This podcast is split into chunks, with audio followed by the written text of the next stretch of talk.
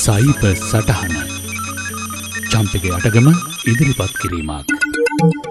පසුගිය සතියේ ඇමරිකාවේ FBI ආතනය චීන ජාතිකයෙන් දෙදෙනෙකුට සයිබ අපරාධ චෝදනා ගොනු කළා. වසර එකොළහක් පුරාවට ඔවුන් හැක්කිරීම මගින් සොරාගත් දත්ත සහ කරන ලද හානිය අති මහත් බව ඇමරිකාව පවසනවා. ඔවුන් නිසා අගතියට පත් පාර්ශවාතර ඔස්ට්‍රේලියාවේ ආරක්ෂක සේවා කොන්ත්‍රාත්කරුවෙකු සහ සූර්ය බලශක්ති ඉංජිනේරු ආයතනයක්ද වෙනවා. ඒ අතර ඔවුන්ගෙන් කෙනෙක් කොරුණා රෝගය සම්බන්ධ එන්නත් වෙනුවෙන් පර්යේෂණ කරන ඇමරිකාවේ බයෝටෙක් ආයතනයක පර්යේෂණ වාර්තා වෙනුවෙන් රහසේ ඔත්තු බලා ඇති බවට ඔවුන් චෝදනා කරනවා. මීට අමතරව එංගලන්තය ජපානය බෙල්ජියම ජර්මනිය ස්වීඩනය ලිතුවේනියාව නෙදලන්තය ස්පාඥය දකුණු කොරියාවාදී රටවල ව්‍යාපාරවල ජාලවලට සම්බන්ධ වී වැදගත් තොරතුරු සම්බන්ධවද නීති විරෝධී ප්‍රවේශ කිරීම් කර ඇති බව ඇමරිකානු නීතිවේදින් චෝදනා එල්ල කළා.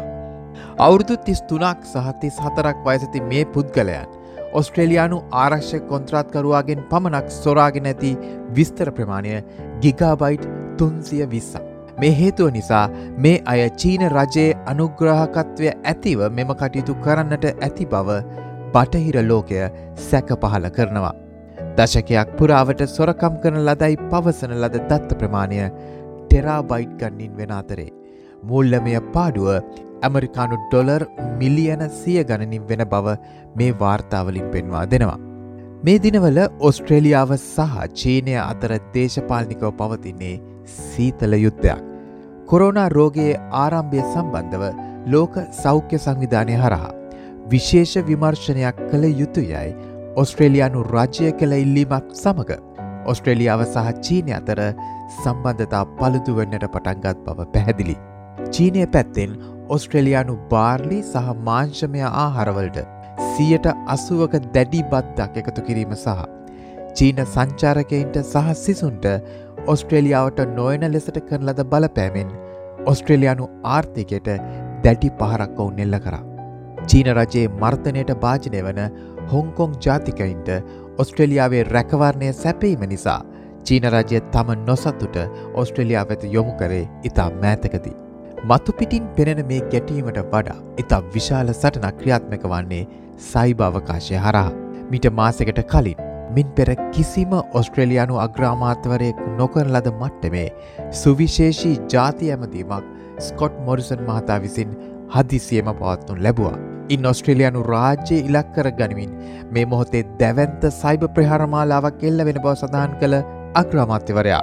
රජයේ ආයතන වහාම ක්‍රියාත්මක වන පරිදි තම තොරතුරු තාක්ෂණ ආරක්ෂණ ක්‍රියාමාර්ග දැඩි කළ යුතු බවට උපදෙස් දුන්නා. මේ පෙහාර එල්ල කරන්නේ කවුද යන්න හෙළිකිරීමට මැලි වූ ඔහු ඒ ගැන පැවසුවේ මෙවන්න. A sophisticated state-based actor with very very significant capabilities. සහ there aren't too many state-based actors who have those capabilities. state-based actor යනු වෙනත් රාජ්‍යයක් හෝ රාජ්‍ය අනුග්‍රහය ලබන ප්‍රබල හැකවරුන් නියෝජනය වන අති ප්‍රබල සයිබ ආරක්ෂණ අවදානම් කලාපයක්.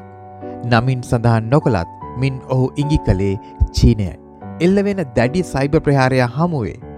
නිද්‍රාශීලිව සිටින වක්කිව යුත්තන් අවධි කිරීමට අගමැතිවරයා මෙම විශේෂ ඇමතීම කළ බවයි විශේෂඥයෙන් පැවසුවේ. මේ වසරේ දැවන්ත කප්පම් ප්‍රහාරවලට ඔස්ට්‍රලියාවේ ටොල් බ්ලූස්ටීල් සහ ලයන් යන ලොජිස්ටිකල් දැවන්තයන් පත් වුණ. මේ මෑතක තත්ත්වය තවත් දරුණුනේ තරුණ පරපුර අතර අතිශය ජනප්‍රිය ටික්ටොක් නම් සමාජ ජාලය. එහි දත්ත චීනය සමඟ බෙදාගන්නවායයි ඇමරිකානු ජනාධිපති ඩොනල් ට්‍රම්ප් කරන ලද ප්‍රකාශයක් අනුව යමින්. ඔස්ට්‍රේලයානු රජයද විමර්ශනයක් ආරම්භ කිරීමය. මින් කිපුණු චීන රජය ඔස්ට්‍රේලියාවට චෝදනා කළේ ඔවුන් ඇමරිකානු රජයේ පඹයෙක් වෙන්නට පත්වේ ඇති බවක්. ටික්ටොප් තහනම් කළහොත් ඔස්ට්‍රේලියාව තමන්ගේ කකුලට වෙඩි තබාගත්තා වැනි ඉර්ණමකට පත්වෙන බවත්ය. එනිසා මේ සයිබ අවකාශයේ යුද්ධය උණුසුම් වීගෙන එන බව දැන් ඔබට පැහැදිලි ඇති. පවතින දේශපාලනය තුළ අද හෙට යුද්ධයක් ඇතිවෙනු ඇතැයි ඔබ සිතනු ඇත. නමුත් එය එසේ නොවේ. හේතුව අලුතින් පටන් ගන්නට දැනට සටන් විරාමයක් නොමැතිවීමය. සියල්ලුම බලගතු රාජ්‍යන් දැනටම සයිබ අවකාශය හරහා සතුරාගේ රහස් සොරා ගැනීමත් තමන්ගේ රහස් රැක ගැනීමේ යුද්ධේත් දැනටමත් යෙදී සිටින නිසාවෙනි. එය යුද්ධයක් බව ඔබට නොපෙනෙන්නේ මාධ්‍යාරා ඔවුන් පෙන්වන්නේ තම සතුරාගෙන් තමන්ට එන කෙනහිලිකම් පමණක් නිසාවෙනි. නමුත් ඇත්ත යුද්ධ එනම් සයිබ වෝෆයා මේ මොහොතෙත් දරුණුවටම ක්‍රියාත්මකයි. ඉන් සැඟවෙන්නට බංකර නැත. ඇත්තේ ඔබගේ සයිභාරක්ෂාව දැනුවත්කමින් සන්නද්ධව ඔබම සපයා ගැනීමයි. අදත් ඔබට සයිබ සටහන ගෙනා මම චම්පික යටගම්.